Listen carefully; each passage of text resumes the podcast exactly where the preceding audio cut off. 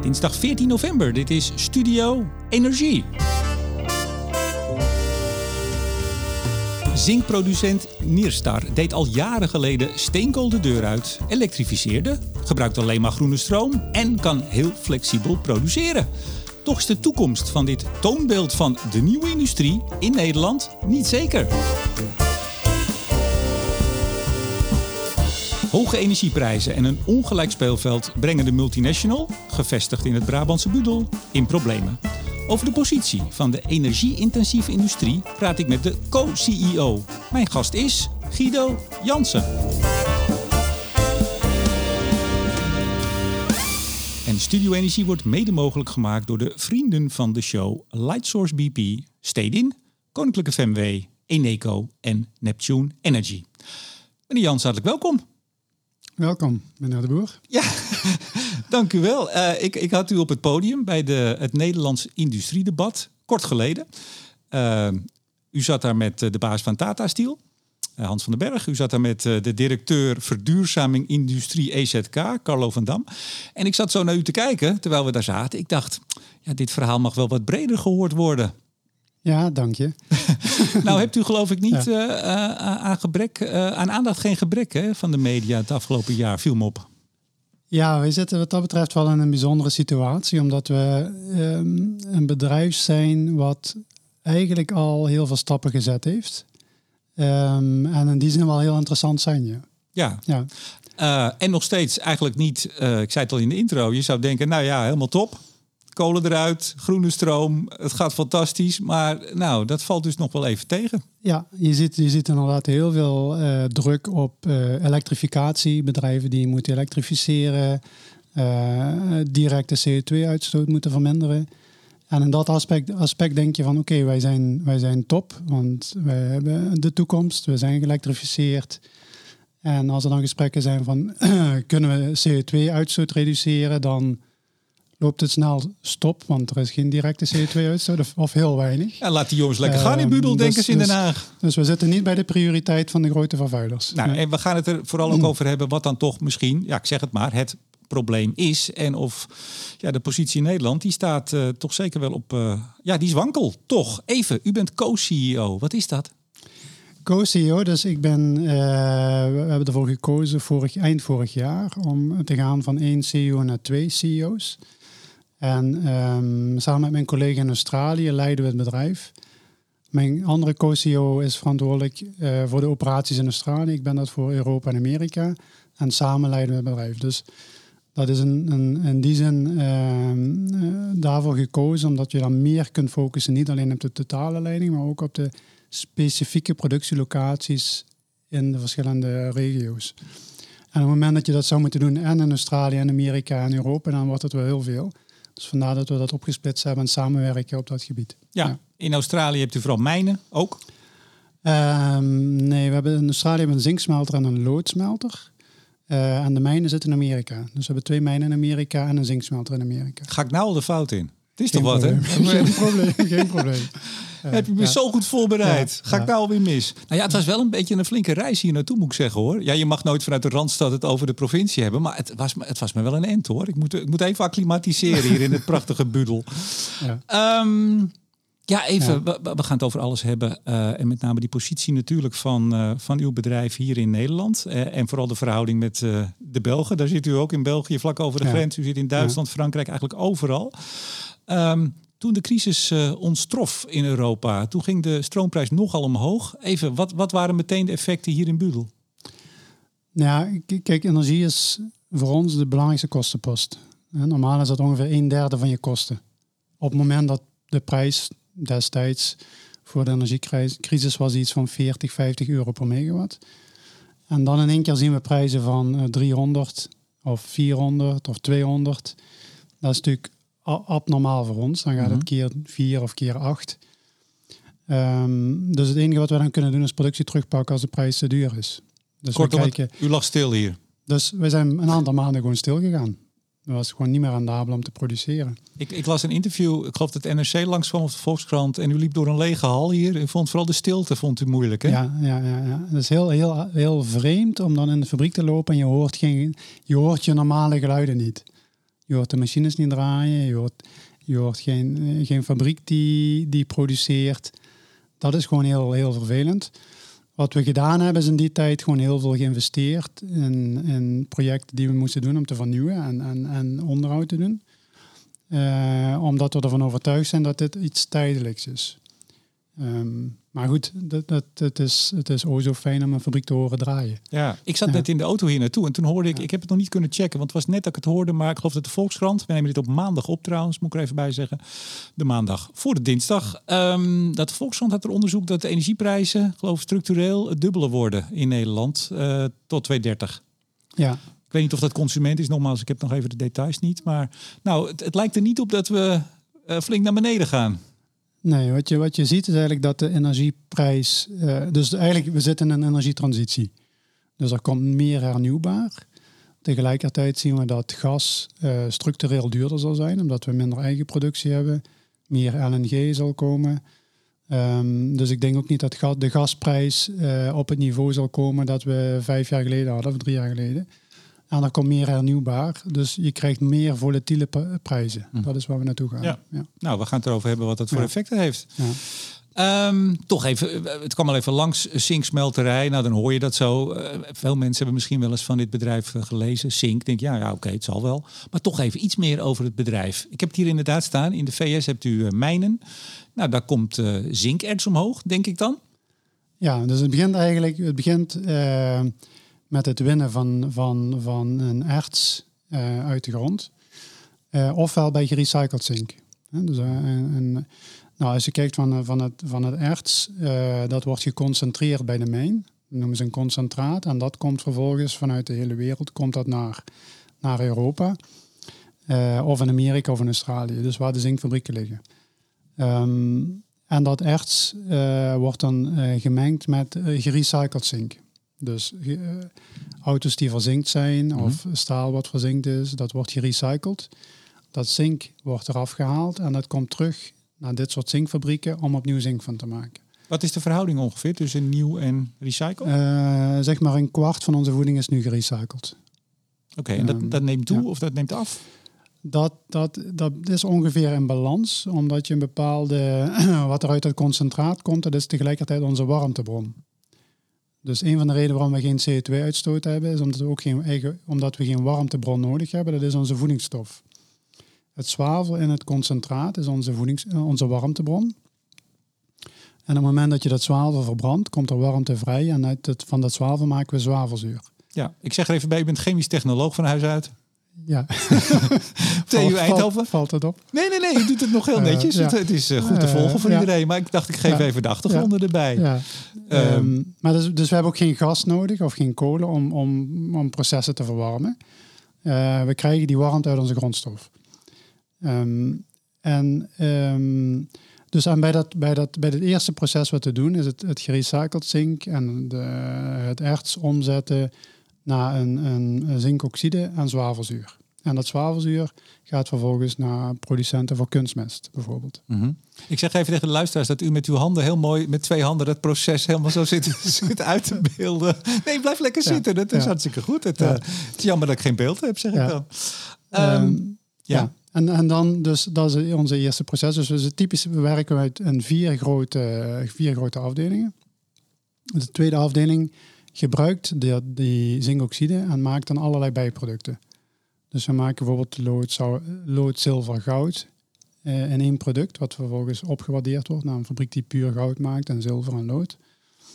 Uh, we maken kobalt, uh, nikkel, koper.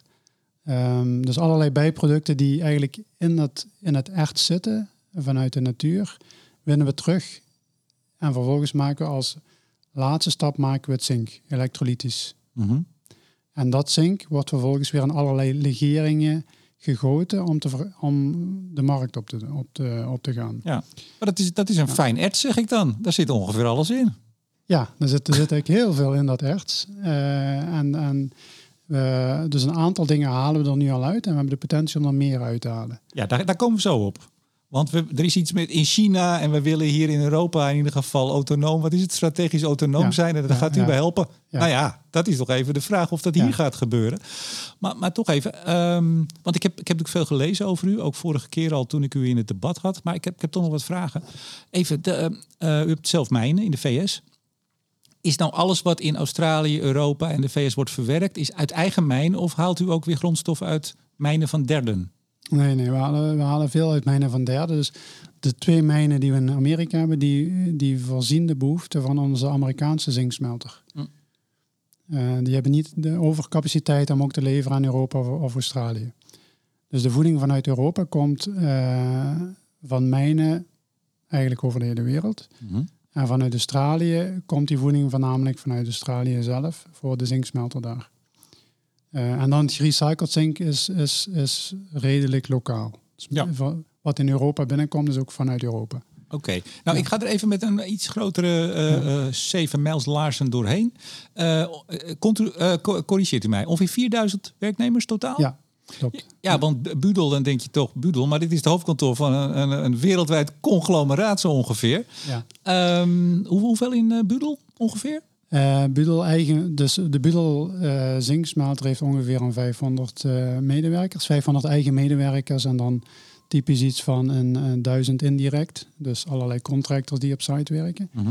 Op het hoofdkantoor zitten we ongeveer met een 120 mensen. Ja, en hier in Budel in 1892 opgericht, de locatie door de gebroeders Dor.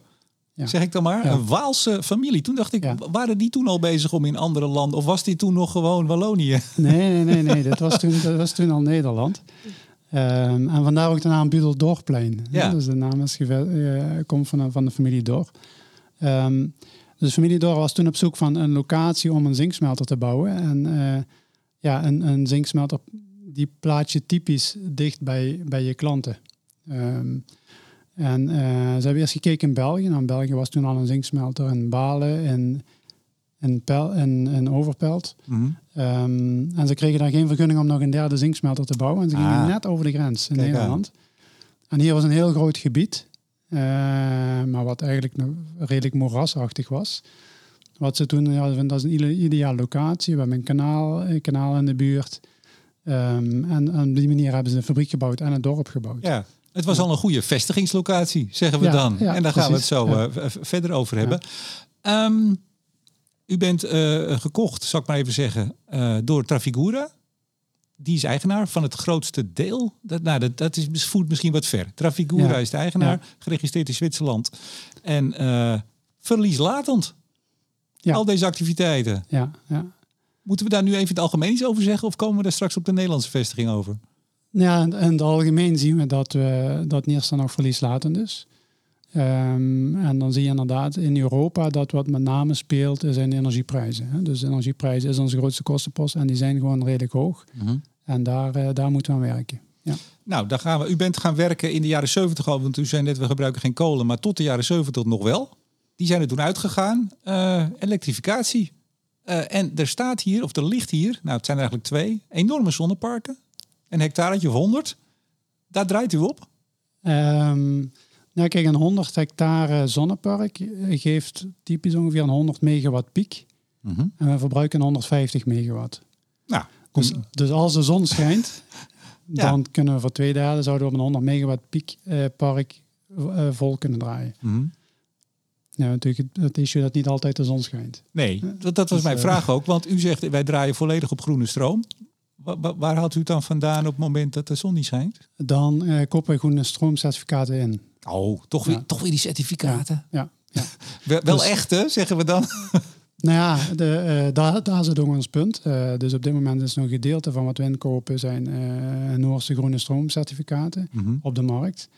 Dat is natuurlijk niet wat je lange termijn wil. Lange termijn wil je gekoppeld zijn aan bijvoorbeeld oké, ik heb hier geen zon uh, dichtbij, ik wil wind op zee en ik wil een PPA en ik wil daar ook de gewone stroomcertificaten van. Dus dat is, de, dat is de strategie waar je naartoe wilt en samen nieuwe parken ontwikkelen. Uh, korte termijn is dit de oplossing. Oké, nou er komen allemaal windparken aan. U bent vast met allemaal PPA, Power Purchase Agreements, bent u vast allemaal in onderhandeling met allerlei partijen. Ja? niet zo makkelijk op dit moment, omdat de prijzen natuurlijk erg hoog liggen. En we moeten, als op het moment dat je iets doet, moet het wel interessant zijn om een, een lange termijn toekomst te hebben voor een bedrijf. Ja. Oké, nou. Um, heel veel energie gebruikt u hier. Althans, dat vond ik toen ik het las. Hoeveel? Ja, we verbruiken ongeveer uh, iets meer dan 1 terawattuur. Um, maar ja, dan kun je zeggen van dat is veel. Tegelijkertijd is het heel veel energie dat je bespaart door staal te galvaniseren. Ja, wacht even. Dat is ongeveer 1% van het Nederlands stroomverbruik. Ja, op dit moment. Op dit, ja, precies. Ja, ja. dat gaat iets meer worden, is, de, is het idee. En dat is ongeveer, dat staat, dacht ik in een van uw uh, stukken, ongeveer uh, het verbruik van de stad Eindhoven. Ja, klopt het is wel toch, ik kwam hier net aanrijden en nou, je moet eerst een stuk van de snelweg af door allerlei plaatsjes en dan kom je uiteindelijk in Budel en daar staat daar een fabriek en met een groot parkeerterrein. Zo is dat meestal, portiersloge, heet dat nog zo? Ja, Vroeger ja, heette dat portiersloge, zo. Ja, ja, ja, ze en dan, dan, staat er dus een, een, gebouw of gebouwen en die gebruiken dus zoveel als de hele stad Eindhoven. Ja. Is wat? Ja, dat is waar de toekomst naartoe gaat. Hè? Je zult steeds meer industrieën zien die gaan elektrificeren en die dus veel stroom gaan verbruiken. Nou, dat weet ik niet. Het kan ook zo zijn dat die industrie vertrekt uit Nederland. Dat kan ook heel goed zijn. Ja. Um, nou, heel veel. U bent groen. Uh, no, nog even die certificaten. Nou, dat is tijdelijk, zegt u al. En dat is het ook, want dat, dat, dat wil je eigenlijk niet. Uh, dus u bent op, goed op weg. Er ligt hier 100 uh, megawatt of 100, nee, 100 hectare, 120 zelfs geloof ik hectare zonnepanelen. op dit moment ligt er 60 hectare. Oh, wacht even. Hey? 60 hectare. En we zijn bezig met nog een extra veld. Wat inderdaad ongeveer een 100 hectare wordt. Oh, die had ik al ingepland. Die had ik al. Daar zijn we mee bezig, maar die ligt er nog niet. Ik zag bij, uh, bij Stadkraft volgens mij, die hadden op hun website. Dat is uw. Uh... Stadkraft heeft het eerste veld gebouwd uh, van 60 hectare. En die zijn nu ook bezig voor het tweede veld van. Ik ben me dan niet vast, maar ongeveer 100 hectare. Ja, nou, er wordt ja. aan gewerkt. Van wordt aan gewerkt. Precies. Ja. Um, ja. Nou, u bent groen, u gebruikt groene stroom, geen kolen. En u kunt ook nog eens heel flexibel uh, uh, produceren of niet produceren. U kunt in een paar minuten van 100% naar 20% van de productie. Ja. Nou, ja. dat betekent toch even voor de luisteraars, uh, dat is wat we willen. Flexibele industrie die zich kan aanpassen aan veel wind, veel zon of niet. Dus u bent echt gewoon, nou ja, de posterboy heet het in het Engels. U bent het uithangbord voor de groene industrie. Ja? Klopt. Klopt. Daar zijn, daar zijn we ook heel trots op. Dat we, dat we en volledig elektrisch zijn en heel flexibel kunnen zijn. Ja, en toen hadden wij voor het industriedebat hadden wij een voorgesprek. En toen zat ook uh, de directeur van uh, EZK over transitie, uh, verduurzaming van de industrie, sorry. En uh, die, die, die, die deed het gesprek vanuit de auto en die bleek op weg naar u. Ja, toen. Klopt. klopt. Ja, het was wel grappig. Uh, want ja, u zei het net al, hè? Uh, er wordt met allerlei grote uitstoters worden afspraken gemaakt. Althans, geprobeerd afspraken te maken. Dat is in mm. allerlei stadia. Mm. En u valt gewoon buiten de boot. Waarom is dat? Nou ja, op zich snap ik dat wel. Wat er gebeurt is dat er gekeken wordt waar ligt de prioriteit om CO2 te besparen. En dan wordt er gekeken van wie stoot de meeste CO2 uit. En daar begin ik bij. Dus de top 10 of top 20 grootste CO2-uitstoters, dat komt in een Excel-faaltje, dat hou je bij. En zo kun je dus resultaten ja. uh, halen om CO2 te reduceren. De gedachte is ook logisch. Die ja. jongens in dat budel, laat, ik zei het net al, laat ze lekker gaan. Ja. Gaat top. Precies. Ik maar bedoel, wat is, ja? Je kunt hier geen CO2 besparen, want er is nauwelijks CO2-uitstoot. Nee. Maar wat is het probleem? Uh, het probleem daarmee is eigenlijk dat als je denkt van waar gaat de industrie naartoe? Ze gaan er naartoe waar wij nu zijn. Ze gaan elektrificeren. Ja. En dan is nog het probleem dat heel veel industrie niet flexibel is, terwijl wij wel flexibel zijn. Ja. Nogmaals, top. Wat is uw probleem? Het probleem is dan dat je geen, eh, zoals de situatie nu is, geen eh, dus hoge elektriciteitskosten hebt. Mm -hmm. wat, je, wat je dus moet kunnen dragen met je businessmodel. Ja. En daarbovenop krijgen we nog hoge transportkosten in Nederland. Ja, die komen ziet, die zijn ziet, al hoog en die, komen, die worden nog veel hoger. Die, die worden eigenlijk heel hoog vanaf volgend kalenderjaar. Um, en dat gaat problemen geven. Dat zie je nu al bij heel veel industrieën die bijvoorbeeld een business case hebben gedaan voor een e-boiler of iets dergelijks. Waarvan ze nu zeggen van hé, hey, die business case is eigenlijk niet meer interessant. Ja, en waarom Dan worden, dus een probleem. Waarom worden die tarieven zo hoog? Uh, de, tarie de transport Transport, ja. tarieven die worden zo hoog omdat er natuurlijk heel veel geïnvesteerd moet worden in het verzwaren van het net, omdat, we, omdat de, de energieopwek heel flexibel wordt. En er ook steeds meer energie, elektriciteitsverbruik komt. Dus er moet zwaar geïnvesteerd worden en die kosten wordt op dit moment verhaald op de eh, gebruikers. Ja. Dus Toch dat, even- dat is ook heel logisch. Ja. Ja. Nou, toch even voor de, ik zou bijna zeggen voor de jongere luisteraars. Eh, u zit ook al heel lang eh, in, het, in het wereldje. Er was toch een tijd, een jaar of tien geleden, zo rond het energieakkoord. Daarvoor en zeker daarna. Daar was de belofte, nou, we gaan allemaal zon en wind. eh, lage marginale kosten. Het werd eigenlijk gratis. Hè? Sommige voorlopers, de echte weer meer activistische stemmen in het debat, die zeiden: nee, maar we gaan juist naar eigenlijk bijna gratis of misschien wel gratis energie. En als je dan zei, ja. maar wacht even, iemand moet dan toch ook nog die dingen neerzetten. En waarom zou die dat dan doen als het gratis is? En je moet eh, dat netwerk versterken. En er moet van alles. En als ik dan net in de auto hoor dat we naar een verdubbeling van de energietarieven gaan in tien jaar. Nogmaals, ik moet onderzoek even kijken. Het is toch wel even van een koude kermis thuis, zeg ik dan.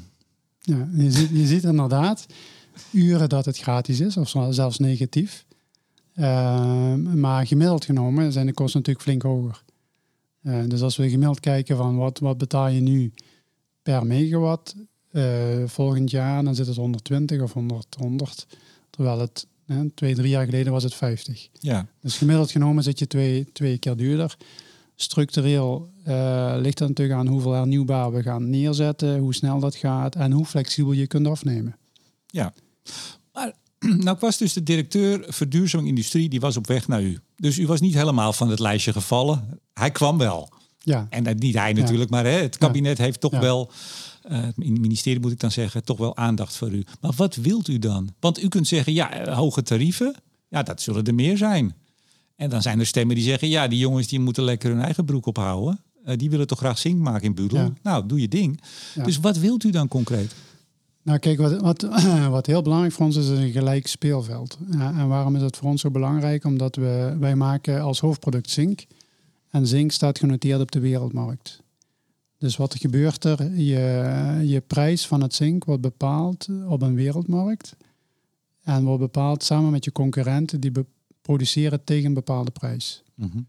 Als we nu in, in Nederland die kosten veel hoger hebben liggen dan in omringende landen, dan kun je in Nederland dus niet overleven.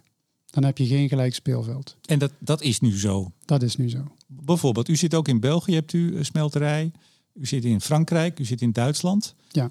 Schet- eh, Duitsland komen we nog even apart op, want die hebben van de week een... eh, Nou, daar hebt u natuurlijk verlekkerd naar zitten kijken. Een steunpakketje voor de industrie van Ja, alleen al 12 miljard volgend jaar, Ja, geloof ik. U glimt, ja, u glimt helemaal. Wacht, Ja, maar wacht even, dan kom zo bij Duitsland. ja. Even België, Frankrijk, tot vorige week dat Duitse pakket. Hoe verhoudt zich dat hier en daar? Nou, wat je ziet in Europa is dat er zijn Europese richtlijnen die zeggen van je mag bepaalde steun, eh, steun geven aan de industrie. Je mag dat doen, maar je hoeft dat niet te doen. Mhm.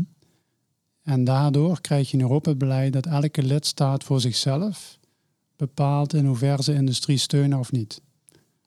En dat maakt het natuurlijk in die zin heel gevaarlijk dat bepaalde landen industrie wel heel erg steunen en andere landen niet. Maar maakt u dus concreet, wat doen wij in Nederland niet wat ze bij de buren wel doen? Nou, een heel, heel typisch is bijvoorbeeld de indirecte kostencompensatie. Wat betekent dat? Wij eh, kopen elektriciteit in en in die elektriciteit zit een bepaalde kost voor de CO2-uitstoot. Dus als wij eh, elektriciteit inkopen die op de markt, eh, dan zit er altijd een eh, CO2-kost in die de elektriciteit moet betalen om CO2 te kunnen uitstoten met een CO2-certificaat. Ook als u groene stroom koopt. Ook als je groene stroom koopt. Dat is Hmm. heel raar, want je betaalt extra voor groene stroom. Ja. Dus je, hebt, je, je koopt elektriciteit in zonder CO2-uitstoot. Maar je, je betaalt daarvoor, voor dit certificaat. Tegelijkertijd koop je aan een marktprijs. Ja. Dus als we nu eh, wind op zee wordt verkocht tegen de marktprijs. En die marktprijs wordt bepaald door een gascentrale die CO2 uitstoot. En daar komt dan nog een CO2-prijs in. ja, nee, ik, Ja, ik, ik dus, zie het. Dus dat is, dat is natuurlijk heel moeilijk eh, te, te vatten dat je groene stroom inkoopt en toch heel veel CO2-kosten hebt eh, voor die stroom die je inkoopt. Ja, maar goed, u, u eh, Eh, Daarvoor heeft Europa gezegd van, van eh, industrieën die op wereldniveau eh, eh, eh, een, een level playing field moeten hebben, die dus Mhm. niet lokaal iets verkopen, maar Ja. op wereldniveau, die moeten voor dat effect gecompenseerd worden. Of die mogen voor dat effect gecompenseerd worden. Nederland deed dat en die zijn ermee deed gestopt. dat en die zijn ermee gestopt. Wanneer? Ehm, die zijn er Uh, dus 1 januari 2023 zijn ze ermee gestopt. Oké. Dus het afgelopen jaar hebben we die compensatie al niet gehad. De Belgen doen het wel? De Belgen doen het wel, de Fransen doen het wel, de Duitsers doen het wel. Uh, dus de om, ons omringende landen doen het allemaal wel. Maar kunt u aangeven, want ik weet niet hoe ver u gaat en daar bent u uh, co-CEO voor om dat wel of niet te zeggen natuurlijk, maar uh, het, het huishoudboekje. hoeveel scheelt dat? Hoe druk je dat uit in zink uit de fabriek hier vlakbij in België en zink hier uit Budel? Hoe verhoudt zich het, het niet krijgen van die compensatie in Nederland? Kunt u dat aangeven? Ja, typisch. Uh, voorheen viel dat redelijk mee, maar de CO2-prijs is flink gestegen, waardoor dat effect heel groot geworden is. Dus um, door de bot genomen, uh, zo'n compensatie op, op jaarbasis, als ik, als ik kijk wat investeren wij, is ongeveer een 30 miljoen euro per jaar aan, aan, aan investeringen los van het onderhoud wat we doen. Dus gewoon mm vernieuwingsinvesteringen, verbeteringen. Uh, meer dan dat bedrag verliezen we nu al, omdat we die compensatie niet krijgen. Meer dan 30 miljoen ja. per jaar in Nederland in Budel. Ja. De reden waarom dat zo hoog geworden is, is omdat de CO2-prijs gestegen is. Uh, dus vroeger lag dat uh, op, op 20 euro per ton CO2. Tegenwoordig ligt het op 80 of 90 euro per ton CO2. En die kosten zet je in, in, je elektriciteitsprijs. Ook al koop je volledig groene elektriciteit in. Maar dan toch even 30 miljoen, dat klinkt heel veel. Ik heb het niet. U misschien ook niet. maar hoe verhoudt zich dat tot, tot het hele plaatje? Nou, de, wij zitten in een hele lage marge business. Dus voor ons is dat wel cruciaal. Het is niet zo dat je zegt van oké, we maken 300 miljoen winst. Oké, dan gaat 30 miljoen af. Geen pijn. Mhm. Nee, voor ons is dat cruciaal. Dus op het moment dat, we dat, op het moment dat je die compensatie niet krijgt en je concurreert op kostenbasis met elkaar, dan heb je een probleem. Ja, dus de Belgen die lachen u uit. Uw Belgische vestiging die zegt Guido, jullie in Nederland daar, doe de, doe de boeken maar toe. Nee, het is niet zo dat de Belgen ons uitlachen. Uh, ik denk, waar we ons met name zorgen over maken zijn natuurlijk onze concurrenten. Die zitten, onze concurrenten in Duitsland, Spanje, Noorwegen, Finland. Um, en op het moment dat je een ongelijk speelveld hebt, dan is dat met name waar we ons zorgen over maken. Ja, want u kunt binnen het bedrijf kunt u natuurlijk nog wel wat, wat nou ja, de een wat meer, dan de wat minder. Een beetje verdelen de pijn misschien. Ja. Uh, overigens moet ik even bijzeggen, want ik heb natuurlijk gezegd multinational, maar u bent natuurlijk een, u bent echt een wereldspeler. Hè? Waar, waar zit u qua zink in de, de rangorde in de wereld? Ja, we zijn de twee na grootste zinkproducenten in de wereld. Mhm. Eh, met onze vestigingen in Amerika, Europa en Australië. Dus ja, het maakt het ook wel interessant om te zien. Wij zien wat er in Amerika gebeurt, wat er Frankrijk, Duitsland, België, Nederland gebeurt en wat mhm. er in Australië gebeurt. Ja. ja. Nou zei de, de hoogste ambtenaar van EZK begin dit jaar, nou ja, bedrijven moeten zich aanpassen, ja, of die verdwijnen. En aanpassen betekent ook, nou ja, als de prijzen te hoog zijn, uh, dan, uh, dan is dat maar zo. En dat geluid is natuurlijk een stevig geluid hè, tegenwoordig. Ook in, in de energietransitiekringen ja. valt het mij ook op. Dat heel veel mensen zeggen, nou ja, het, het, goedkope gas zijn we kwijt. We zijn onze concurrentie, ons concurrentievoordeel, waar we decennia lang uh, van geprofiteerd hebben, dat is weg. Ja, pech. Weg is pech. Ja. Hoe kijkt u daar tegenaan? Ja, ik vind het wel heel zorgelijk in die zin dat je zegt van, uh, kijk, op het moment dat je een bedrijf wat hebt wat heel schoon is, wat geëlektrificeerd is en flexibel is en dat, dat heeft al moeite om, om te overleven, dan heb je een probleem. Dan heb je een probleem met je speelveld in Europa en in Nederland. En als dat soort bedrijven niet kunnen overleven en je ziet waar iedereen naartoe moet of waar iedereen naartoe gaat, dan hebben we dus een issue in Nederland van waar, wat hebben we straks nog als productiebedrijven in Nederland. Meneer Jansen, we gaan gewoon dat zink importeren.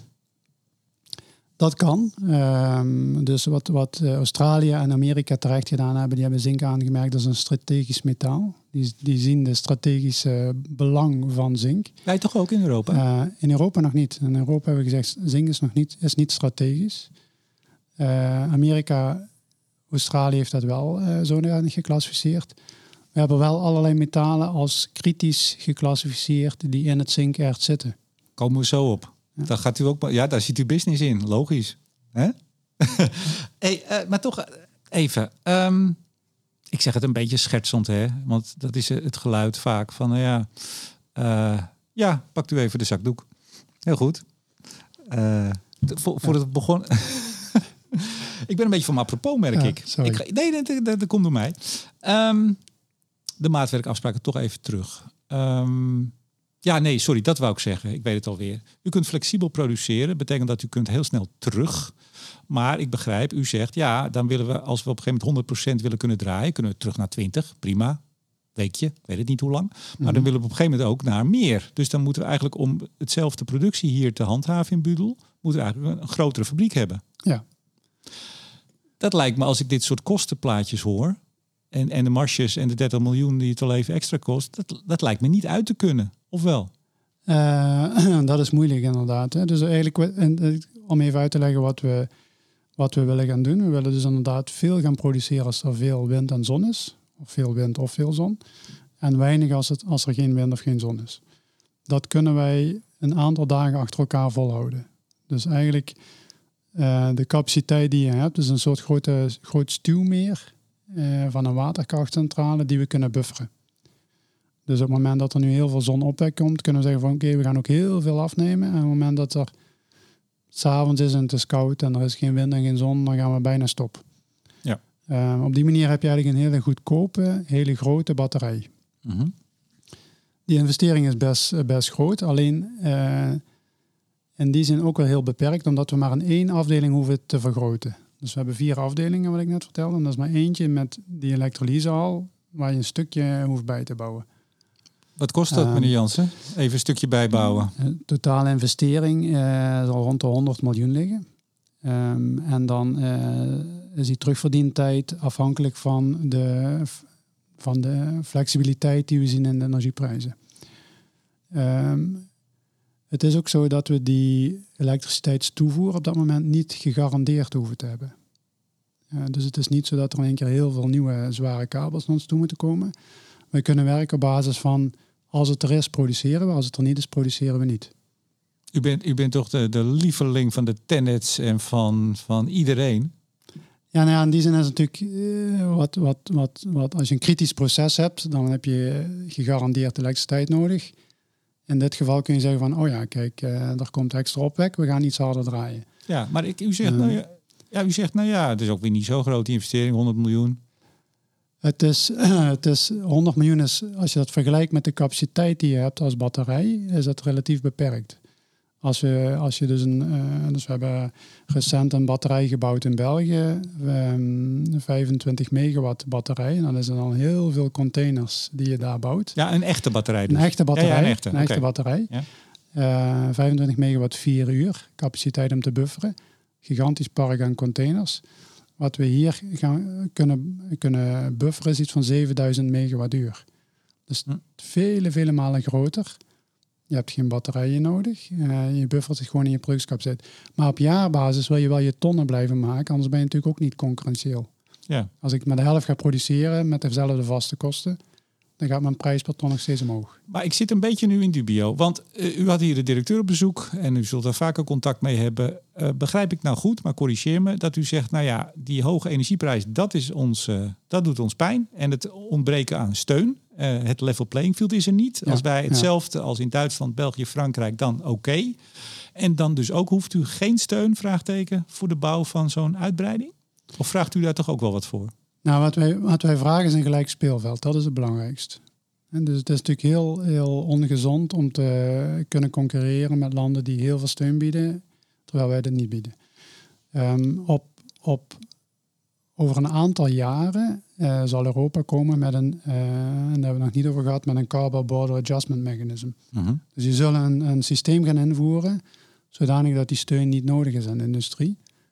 Maar dat de industrie als het ware niet last heeft van de concurrentie buiten Europa, maar dat zinksmelters die Europa willen gaan importeren, dat die belast worden voor een CO2-uitstoot buiten Europa. Ja, zodat, zodat u hier met eh fonkelgroene stroomgemaakte zink, dat, dat, daar zit de kost in. Daar, daar investeert u in. Dat doet eh, een bedrijf uit, ik zeg eens wat, China niet. En die komt aan de grens en die moet bijpassen wat u hier extra hebt geïnvesteerd. Maar ook wat je extra betaalt, want we betalen nog steeds de CO2-kosten. Ook als je volledig groen afpakt en je koopt aan de marktprijs, betaal je nog steeds de CO2-uitstoot van een gascentrale in je marktprijs. Want u, u zet af, uw afzetmarkt is ook Europa. U, gaat niet, u exporteert niet buiten Europa, vanuit Europa. Vrijwel volledig Europa. Oké. Op het moment dat we een overschot hebben, exporteren we ook wel eens. Maar het is vrijwel, vrijwel volledig in Europa. Dus waar je nu last van hebt, is dat, dat concurrenten zoals Korea Zink, produceren dat in Korea, kunnen Europa invoeren en hebben geen CO2-kosten. Ja. Nou, dat is natuurlijk funest als je daar niet voor gecompenseerd wordt op dit moment. Op, over, vanaf 2030 zegt Europa, we gaan een CBAM-mechanisme invoeren. Dan hoeven we die compensatie niet meer te doen aan dat soort bedrijven. En dan zijn we, hebben we toch een eerlijk speelveld globaal gezien. Ja.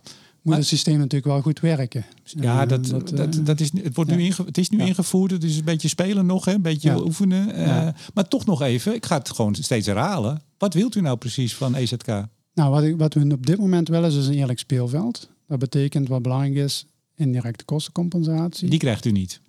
En eh, eh, ook een, eh, een transportkosten van elektriciteit die vergelijkbaar is in onder, met omringende landen. Ja, die gaat u ook niet krijgen. Ja, ik zeg maar even wat we willen. Ja, ja, nee, sorry. Ja, nee, Ja. terecht. Nee, maar, maar ik bedoel, nou ja, laat ik dan de, de vervolgvraag. In hoeverre, hoe heet het in het Engels ook weer? Barking up the wrong tree. Ik bedoel, u kunt erom vragen en u, u, u, u, u luidt de, de klok ook hè? In, in media. U zit Ja, hier nu. Ehm, hoe groot acht u de kans, laat ik dan wat positiever zijn ook zelf. Hoe groot acht u de kans eh, dat dat gaat gebeuren? Ja, ik denk nog steeds, kijk, eh, qua transportkosten om daar eh, mee te beginnen. er zijn een aantal methodes. Wat, wat een aantal landen nu doen, die zeggen van de transportkosten, die kosten maximaliseren we tot een bepaalde hoogte. En de rest van het gedeelte nemen we op algemene middelen op de begroting. Je kunt ook zeggen in Nederland van oké, ik ga mijn transportkosten niet alleen verhalen op de gebruikers, maar ook op de invoerders. Ehm, je kunt ook zeggen van ik ga mijn transportkosten zodanig aanpassen dat flexibele afnemers in plaats van meer kosten te gaan betalen, minder kosten gaan betalen. Dus er zijn allerlei, allerlei methodes voor waar we aan kunnen werken om te zien van hoe kunnen we die kosten, hoe kunnen we die kosten nou eh, in, in controle houden. Hebt u eh, de lijsttrekkers en hun mensen hier over de vloer gehad de afgelopen tijd? Ehm, nee, we hebben niet de lijsttrekkers over de vloer. Nou ja, Nee, laat, nee, laat ik het nee, anders zeggen. hebt, u, hebt u aanwijzingen? hebt u, bent u hoopvol over dat partijen ehm, die een nieuw kabinet gaan vormen, misschien daar inderdaad in willen bewegen? Eh, transportkosten zijn wij heel hoopvol. We hebben dus hebben, eh, ook gesprek gehad met Tenet, met ACM, maar ook met de politiek. En eigenlijk iedereen ziet van flexibilisering moet in die zin beloond worden. Het is natuurlijk heel raar dat op het moment dat je in plaats van baseload gaat afnemen, flexibel gaat afnemen en dezelfde last op jaarbasis afneemt, dat je dan meer kosten zou moeten gaan betalen. Dat is natuurlijk, klopt niet met de energietransitie. Nee.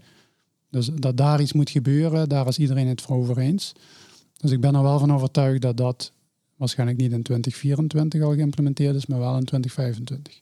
Maar dan blijven we nog even zitten met de hoge energieprijzen. Nou heeft eh, Duitsland vorige week een groot pakket aangekondigd, Duitse kabinet, om de industrie te steunen. Er was al eerder iets aangekondigd. Daar ging het ook over een maximumtarief. Is, dat, is dit de, de definitieve versie van het al eerder aangekondigde maatregel? Nou ja, wat ik, wat ik in zoverre begrijp van Duitsland is dat ze zeggen van we gaan in elk geval de indirecte, indirecte kostencompensatie voor de komende vijf jaar in stand houden.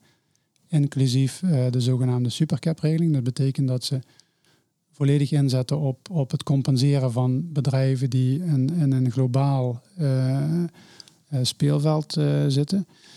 Ehm, en ze gaan ook de transportkosten maximaliseren naar verbruikers toe. Dus dat zijn twee, groot, belangrijk, twee grote zaken waarvan Duitsland nu duidelijkheid geeft voor de komende vijf jaar. Die voor onze concurrent Zinkfabriek in Duitsland natuurlijk heel belangrijk zijn. Ja, maar goed, u zit daar ook.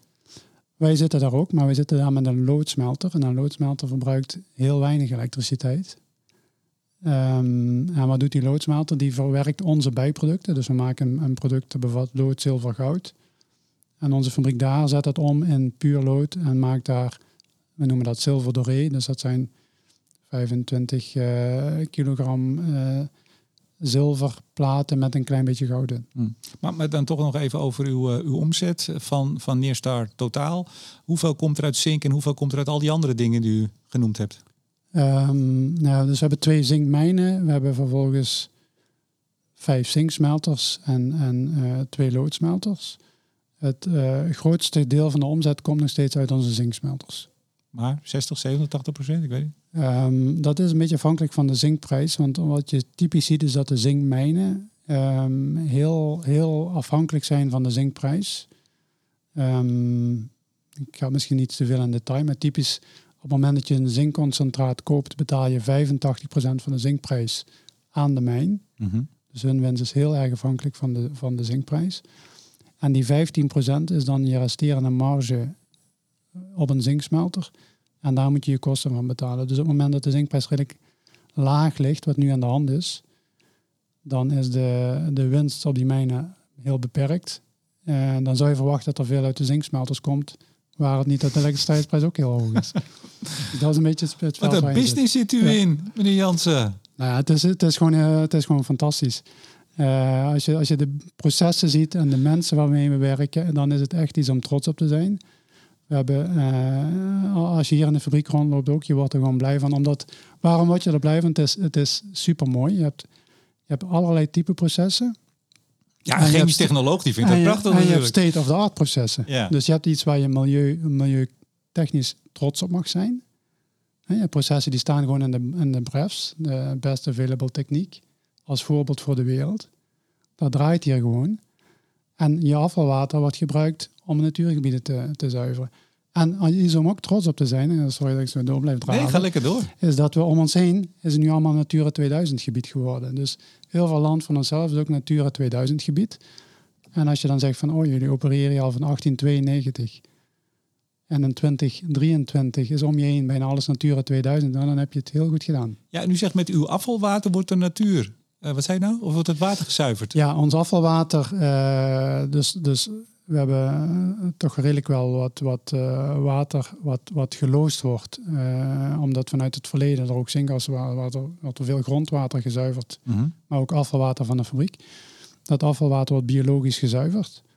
En dat afvalwater uh, wordt vervolgens geloosd op een Tungerooise beek. Een beekje wat hier stroomt.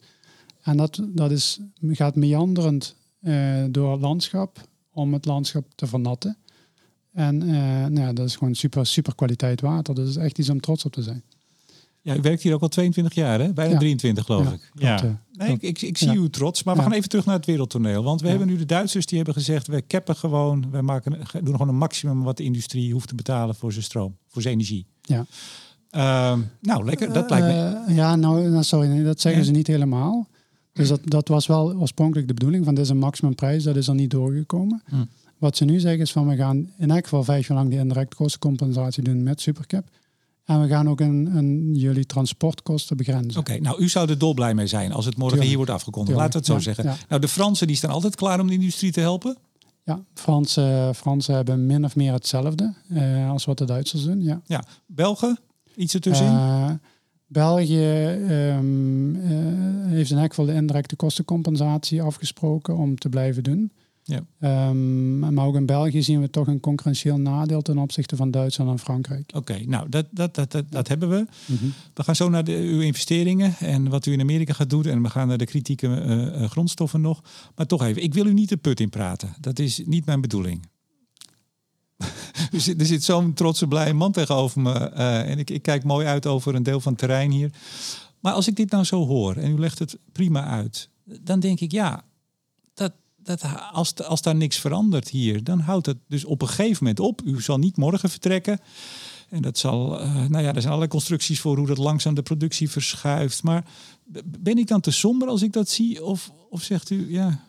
Nou, kijk, dan, dan moet gewoon een eerlijk speelveld komen. En, uh, en dat is heel belangrijk. Dus... Nee, nee, maar wacht even, dat hebben we gehad. Sorry, ik ga je nu onderbreken. Dat hebben we gehad. Mm -hmm. Uw pleidooi is helder. Als dat nou er niet komt, dan, dan houdt het toch een keer op met het meanderende beekje en uw prachtige state-of-the-art technologie hier, of niet? Nee, dat is dus de vraag, of niet? Of bent u, ik ga even het geluid van het, uh, het anti-industrie sentiment vertolken, bent u gewoon een bedrijf dat zoveel mogelijk winst wil maken, altijd met de hand op sta, ophoudt, staat en eigenlijk gewoon prima blijft, uh, lekker kan draaien hier, alleen probeert er nog zoveel mogelijk uit te slepen. Is dat het? Ja, kijk, dat, dat is duidelijk niet het geval. Wat, wat je nog steeds ziet, en dat doen we nu ook, dat is productie minderen. Uh, dus er is geen duidelijker signaal dan dat je verliesgevend bent bij bepaalde elektriciteitsprijzen dan dat je je productie terugpakt. Niemand gaat productie verminderen omdat hij nog, omdat hij nog uh, terwijl hij nog geld zou blijven maken. Ja. Dus wat wij nu ook doen, op uh, uren dat de prijs te hoog is, gaan wij productie terugpakken. Ehm, en inderdaad, op het moment dat we periodes zien dat die prijs echt te hoog is, gaan we helemaal stoppen. Dus dat geeft aan dat we het heel moeilijk hebben. Um, waarom stop je dan niet volledig? Nou, omdat je volledig stoppen eh, meer verliesgevend is dan nog wel wat blijven produceren. Want wat, wat, wat kost je dan? Wat kost het dan? Nou ja, dan heb je nog steeds al je salariskosten, nog steeds al je onderhoud. Uh, wat wij gewoon zien is dat uh, wij zien nog steeds dat dit een tijdelijke situatie is. Als we zeggen van in 2030 komt er een CBAM, een, een Carbon Border Adjustment Mechanism, die zorgt ervoor dat vanuit, vanuit ons omringende continenten er niet zomaar vrij zink Europa in kan komen, maar ook voor CO2-kosten moet gaan betalen, dan heb je die compensatie niet meer nodig in Europa. En dan ontstaat er een eerlijk speelveld. Dus wat wij zien, oké, we zitten nu in 2023 tot 2030, hebben we een overbrugging aan een oneerlijk speelveld. Nou, wat pleit ervoor om dat op te lossen? Komt het er niet? Dan moeten we zien te overleven. Hoe doen we dat? Dat doen we door productie terug te pakken en productie te verschuiven. Dus op het moment dat we nu bijvoorbeeld uh, grondstoffen tekort komen, dan zeggen we van oké, we gaan in elk geval produceren in, in België, Frankrijk en we pakken productie terug in Nederland. Maar dan, dan toch even, dan, uh, dat is weer een mooi optimistisch, uh, nou ja, optimisme. Zeven jaar is best lang voor een bedrijf, waar het over honderden miljoenen gaat uiteindelijk. Ja. Um, dan hebt u wel heel veel vertrouwen erin dat het in 2030 met de CBAM helemaal werkt. En dat vind ik erg optimistisch. U bent optimistisch, maar dit is heel erg optimistisch. Ja, goed. Kijk, dat is de visie van, van Europa en dat is ook de visie van onze omringende landen, dat deze steun tijdelijk is. Ik denk niet dat, dat je vanuit kunt gaan dat CBAM niet werkt en dat alle landen om ons heen de industrie zullen blijven steunen voor de CO2-kost. Dan zitten we in een systeem wat, wat naar mijn gezien niet werkt. Ehm, dus dat CBAM is, is inderdaad heel belangrijk als we geen eerlijk speelveld krijgen in Europa, dan zit er voor ons niks anders op dan ah, productie terug te pakken en dan te gaan produceren op prijzen dat er uh, op, op momenten dat de elektriciteit relatief goedkoop is. Ja. ja. En dat zou betekenen dat u nog steeds wel produceert en ook een boterham verdient, maar veel minder in volume dan nu. Uh, nou, dat betekent eigenlijk dat we, dat we eh, het heel moeilijk hebben en dat we ook nog wel verliesgevend zouden kunnen zijn hier, op, hier in Nederland, afhankelijk van de elektriciteitsprijzen. En dan is maar de vraag van hoe lang wil je daarmee doorgaan? Ja, en Trafigura, toch even uw, uh, eigenaar, dat is een heel groot, uh, wereldomspannend, machtig bedrijf zou ik bijna zeggen. Ja, daar, daar wordt op een gegeven moment, als u daar op het hoofdkantoor, waar is het hoofdkantoor eigenlijk? Uh, in Genève. Ja, nou dan komt u daar om dezelfde tijd natuurlijk. En dan zeggen ze op een gegeven moment, Guido, jongen, beste man, het is klaar. Ja, eh, het is natuurlijk heel moeilijk om te begrijpen, eh, zeker als je, als je globaal opereert, waarom Nederland uh, geen gelijk speelveld zou bieden aan dit soort schone industrie. Ja. Dat is heel moeilijk uit te leggen. Dat kan ik ook niet uitleggen. Nee, en ik snap het zelf ik gezegd ook niet. maar, maar goed, dat hebt u misschien al een keer uitgelegd. En dat gaat u nog een keer uitleggen. Dus ja, ook al komt de CBAM eraan, dit soort bedrijven zitten er nu vier jaar in het is verlieslatend, uh, de hele bubs. Ja, op een gegeven moment houdt het op. En dan moet je maar weer iemand vinden die misschien de boel wil overnemen. Het is niet een vrolijkmakend beeld. Nee, dus, dus uh, kijk, wat, waar, waar, we onszelf sterker in willen maken, is het, het, wat we al eerder zeiden, is het vergroten van de capaciteit om wel je productie te kunnen draaien op het moment dat die prijzen laag zijn. Ja. Um, en, dan, en dan zeggen we van oké, wat wij dus vragen om daarop terug te komen is gelijk speelveld, lagere transportkosten. Maar ook hoe kun je jezelf weerbaarder maken? Nou, dan wil je je productie uitbreiden, zodanig dat je meer kunt produceren op lagere prijzen. Nou, dan ga je kijken van, kan de overheid mij helpen met financiering, met bepaalde subsidies of met andere zaken. En, en even, u gaat niet vertellen hoe die gesprekken nu gaan, maar eh, zit daar wel hoop in, in de gesprekken die u nu met EZK voert? Nou, wat ik, wat ik proef uh, bij EZK is dat ze inderdaad ook zien dat we, om het zo maar even te zeggen, bedrijven van de toekomst zijn. Dus we zijn al waar die andere, andere bedrijven naartoe moeten. Uh, en dat ze ook die zorg hebben dat we, uh, dat we wel steun nodig hebben en dat ze ons willen behouden. Ja. Dus dat is eigenlijk van een goed uitgangspunt.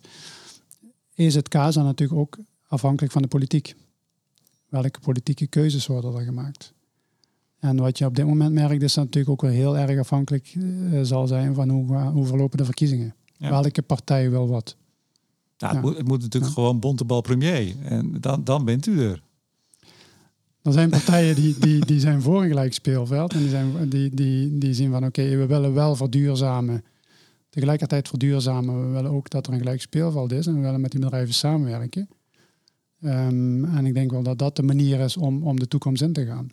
Op het moment dat we de toekomst in gaan zeggen, we willen geen bedrijven meer in Nederland. En het maakt niet uit, maar het moet gewoon weg. We importeren het wel. Maar dat is een sterk sentiment. Hè, sterk sentiment. Um, maar dan ga je zelf heel afhankelijk maken. Ja, PvdA GroenLinks uh, in de PBL-doorrekening uh, doet aan de meeste verplaatsingen, zoals dat zo mooi heet. Ja, dat klinkt mooi, maar dat is niet mooi. Dat is, je bent het eigenlijk productie kwijt, je bent uitstoot kwijt, maar ook bedrijven. We gaan uh, al bijna zo'n beetje afronden, maar nog één ding. U, bent ook bezig met geranium. Zeg ik het goed? Germanium. Germanium, sorry. Ja, gallium en germanium. Zie je, ga ik toch weer. het is mijn dag niet. Um, dat zijn wel twee kritische grondstoffen. Die dacht ik ook de EU als kritisch heeft aangemerkt. Klopt, klopt. Nou, we gaan niet opsommen. Google even mensen. Maar wat je er allemaal mee kan, je hebt het heel erg nodig. Zullen we het zo zeggen? In de... ja, het, germanium wat je met name gebruikt voor chips, voor de chipsindustrie. En um, um, sorry, gallium wordt met name gebruikt voor de chipindustrie. En germanium wordt gebruikt uh, met name in defensie. Voor de defensieindustrie. Uh, bijvoorbeeld uh, van nachtkijkers. Ja. ja. Fiber optics. Ja. Ik dacht, ik gooi er ook ja, zijn woord in. maar maar um, dat zit ook in zinkerts. Ja, um, dus eigenlijk in, die, in de mineralogie van, van ertsen zie je dat uh, in zinkerts zit met name germanium en gallium. Uh, in aluniet, dus van de aluminiumindustrie, zit ook gallium. Ja. Dus op het moment dat je die productie wilt gaan realiseren in Europa, dan weet je dat je bij fabrieken moet zijn die dat soort ertsen Europa binnenhalen. Ja. ja. Eh, China, grote speler, zoals ongeveer in iedere, uh, iedere van dat soort stoffen, ja. grondstoffen. Uh, u, de, u deed nog niks aan deze twee. Uh, Wij zijn een jaar of twee, drie geleden begonnen met de ontwikkeling van ons germanium-gallium proces. Hoe kunnen wij germanium, puur germanium en gallium winnen uit onze concentraten?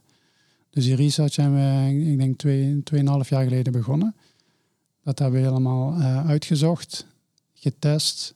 Uh, en we staan nu op het punt dat we klaar zijn om zo'n fabriek te bouwen. Nou, dat wil Europa ook heel graag, want we willen uh, strategisch autonoom worden. met van alles. Vast ook met zink, maar met heel veel spullen, ook hierin. Ik zou bijna zeggen, tromroffel, zegt u het maar. Waar gaat u investeren? Waar gaat u dit doen? Ja, wat je, dat gaat, wat je nu ziet is dat, um, nou dus, dus inderdaad wat u zegt, China heeft, heeft uh, in het verleden die keuzes gemaakt voor al die kritieke metalen en mineralen om die China binnen te halen en de productie te ontwikkelen met heel veel steun. Um, dat hebben ze heel goed gedaan. En recent hebben ze gezegd van oké, okay, nu, nu stellen we een ban in en we gaan geen germanium meer exporteren. Ja, als reactie op uh, de, het Westen die de, de semiconductors ongeveer afknijpt. Ja. Um, nou, dus paniek, uh, of ja, in geval schrikreactie in Amerika, ook Europa. Um, en um, onze eerste gesprekken waren dus in Amerika om te zien van wat kunnen we. Nou, in Amerika is een van onze mijnen heel rijk in germanium, gallium. Um, en daar zijn we aan kijken van kunnen we een fabriek gaan bouwen die het germanium gallium gaat produceren. Uh, en daar zijn we al een redelijk eind mee. Dus daar zijn we nu de engineering aan doen. En de productie die uit onze mijn komt en in die fabriek gaat komen, is ongeveer 85% van de Amerikaanse behoefte. Kijk, dan maak je meters. Dan maak je meters en dan, dan maak je zelf ook autonoom. Ja, en ja, het gaat hier over de defensieindustrie, het gaat over de chipsindustrie. Dus het ligt behoorlijk gevoelig. Ik begreep, uh, er kwamen meteen drie ministeries opdraven. Er kwamen medewerkers van senatoren. U zei dat in een eerder interview. Uh, iedereen stond klaar uh, van kom binnen, meneer Jansen, graag en, en, en, alsjeblieft. Nou, je merkt dat daar meteen actie is, dat dat, dat, dat serieus wordt opgepakt. En dat we, dat we nu in de fase zitten dat die engineering gestart wordt. Dat betekent meestal, dacht ik wel, dat de, de, de finale investeringsbesluit is genomen? Nee, nog is, nog niet. is nog niet genomen. We gaan eerst engineeren en dan kijken wat komt er van finale prijzen. Uh, we zijn we ver. Je bent ver. We zijn ver. En er is steun. Dat, uh, dat zie ik aan u. Um, er is nog geen concrete afspraken, maar we zijn, we zijn goeie, er zijn in elk geval goede gesprekken. Ja, ja. nou verkiezingopkomst, dit is werkgelegenheid ook weer daar. Dit is strategische autonomie in de VS. Uh, hoeveel? 400 miljard staat er in het IRA-steunfonds, zeg ik maar even. Hoe staat het in Europa? In Europa, um, ik moet zeggen, soortgelijke gesprekken gehad met de Europese uh, Commissie. Um, die zien ook van, hey, dit is een, dit is een uh, risico voor Europa. We moeten hier iets doen. Um, hetzelfde merk je met de lidstaten, maar dan op een iets minder niveau. Omdat dit ook meer iets, wat je, iets is wat je Europees moet oplossen. Als lidstaat alleen kun je niet zoveel. Je moet het Europees oplossen. Waarom zeg ik dat? Um, als wij kijken naar de oplossing die we kunnen bieden in Europa, dan zien we dat de, de grondstoffen die met name rijk zijn aan germanium, die komen binnen in de fabriek in Budel in Nederland. Maar een productie, een productie voor germanium gallium zouden we eerder plaatsen in Duitsland of in Frankrijk. Waarom? Omdat het vestigingsklimaat beter is in Duitsland en Frankrijk. Um, maar je hebt dan wel in die waardeketen, moet je wel de fabriek in Budel overeind houden. Anders komen je grondstoffen niet meer binnen. Je kunt, kunt u die, die autootjes zo voet maar binnenkomt, die schepen niet ergens anders heen laten varen of rijden? Um, het germanium zit in het zinkconcentraat. En het zinkconcentraat, wat met name uh, germaniumrijk is, wat Europa binnenkomt, wordt met name verwerkt in de fabriek in Nederland. Nee, maar zegt het gewoon binnen. Van, oh, dat, ja, dan kan je toch omrijden? Kun je ook naar, naar, naar België, Frankrijk sturen. Maar hoe het werkt bij zinkfabrieken is dat elke zinkfabriek is gespecialiseerd in een bepaalde mate van bijproducten. Aha. Dus de, bijvoorbeeld de concentraten die rijk zijn aan indium, die gaan met name naar onze fabriek in Frankrijk. Waarom? Omdat we daar ook naast zink ook indium produceren. Maar kun je dan niet een kleine ombouw in Frankrijk of in Duitsland doen, zodat ze het daar ook aan kunnen? Um, dat is, de ombouw is meestal niet zo klein. Uh, we praten hier over redelijk grote fabrieken. Okay. Um, en dan moet je een behoorlijke ingreep doen in je hele logingscircuit, uh, zoals we dat noemen. En dat zijn geen kleine investeringen. Dus je praat dan al snel over investeringen die net zo groot zijn als een germanium fabriek aan zich. Oké. Okay. Uh, dus dat, dat, dat is niet zo evident. Dus dat zou dan betekenen dat Budel blijft op dit vlak om dat spul binnen te halen. En dan wordt het eigenlijk een, een schakeltje in de keten door naar Duitsland of Frankrijk. Klopt, klopt. Dus je moet in eerste instantie moet je ervoor zorgen, als je een germanium gallium probleem hebt, dat je de grondstoffen binnenhaalt in Europa. dat is wat China ook doet. China wil lang, is lang aan het kijken naar allerlei grondstoffen. En die gaan steeds meer allerlei waardevolle kleinere metalen die in die grondstoffen zitten, gaan ze betalen aan de mijnen om te zorgen dat al die grondstoffen naar China gaan. Als Europa dat niet doet, krijg je alleen nog maar de grondstoffen die heel arm zijn en alleen nog maar zink bevatten en voor de rest allerlei elementen waar je niks mee kunt. Dus wat China betaalt al die elementen, dus dat moeten wij ook gaan doen als Europa. Maar dat kun je alleen maar doen als je ze ook echt valoriseert. Mhm. Als we geen germanium gallium fabriek bouwen en germanium gallium gaan produceren, kun je er moeilijk voor gaan betalen. Ja, maar, maar in Amerika bent u ver. Hoe ver bent u in Europa? In Europa hebben we nu gesprekken uh, op Europees niveau om te zien van wat zijn mogelijke oplossingen. Um, dus dat betekent nog niet zo heel ver. Nee, ik begreep um, dat er zou een workshop komen, toch? In ja, de, was dat deze maand? Uh, dat komt deze maand, ja. Een workshop, ja. om eens te kijken. Ja. Het is een totaal ander niveau, hè? Ja, je merkt gewoon dat het veel langzamer gaat. Um, dat uh, in eerste instantie wordt er gekeken van... oké, hoe zit de markt precies in Europa? Hoe groot is het probleem in Europa? Um, als je met de lidstaten praat, dan zeggen ze terecht van oké, we snappen het, maar het is toch wel een Europees probleem. Als je in Europa praat, dan is het oké, we moeten wel gaan kijken van hoe zit het precies? En wie kan allemaal helpen en hoe gaan we dat doen? Um, en dan gaat het best wel traag. Maar komt het er uiteindelijk wel, denkt u? Is er Ik heb geen idee. Ik heb geen idee. In Amerika eh, een hele grote kans, bijna zeker dat dat er komt. In Europa heel erg zoeken en het gaat best traag. Maar als, als ik een rasoptimist als u bent, als ik dan al zeggen, geen idee, geen idee, dan denk ik dat komt er niet. Ja, eerlijk gezegd vind ik die Europese processen best traag gaan. En, ik, en, ik, en als ik dan inderdaad, uh, je lacht ook, en komt een workshop, denk ik, ja, kom een workshop en dan, en dan wat. Uh, dus de, het, het, je voelt niet van de doorpakmentaliteit die je in Amerika voelt, of die je nu ziet spelen van uh, tussen Australië en Amerika. Van oké jongens, we gaan ervoor en we gaan het oppakken. Um, en dat komt ook omdat het probleem niet zozeer gevoeld wordt op, op, op lidstaatniveau. Ja. ook als je in Frankrijk praat, zeggen ze oké, dan laten we dan toch kijken wat Europa doet.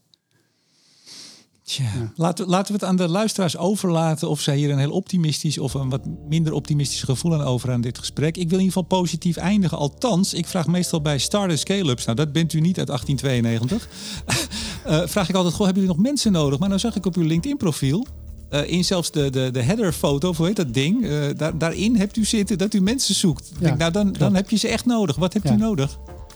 Nou, wij zoeken altijd, uh, dus we zijn natuurlijk een maakbedrijf, dus we zoeken operatoren in de, die, die chemisch zijn, maar ook onderhoudsmensen, elekt, elektrotechniek, mm -hmm. um, maar ook voor, om projecten te doen. Dus we hebben een sterk geloof in de toekomst.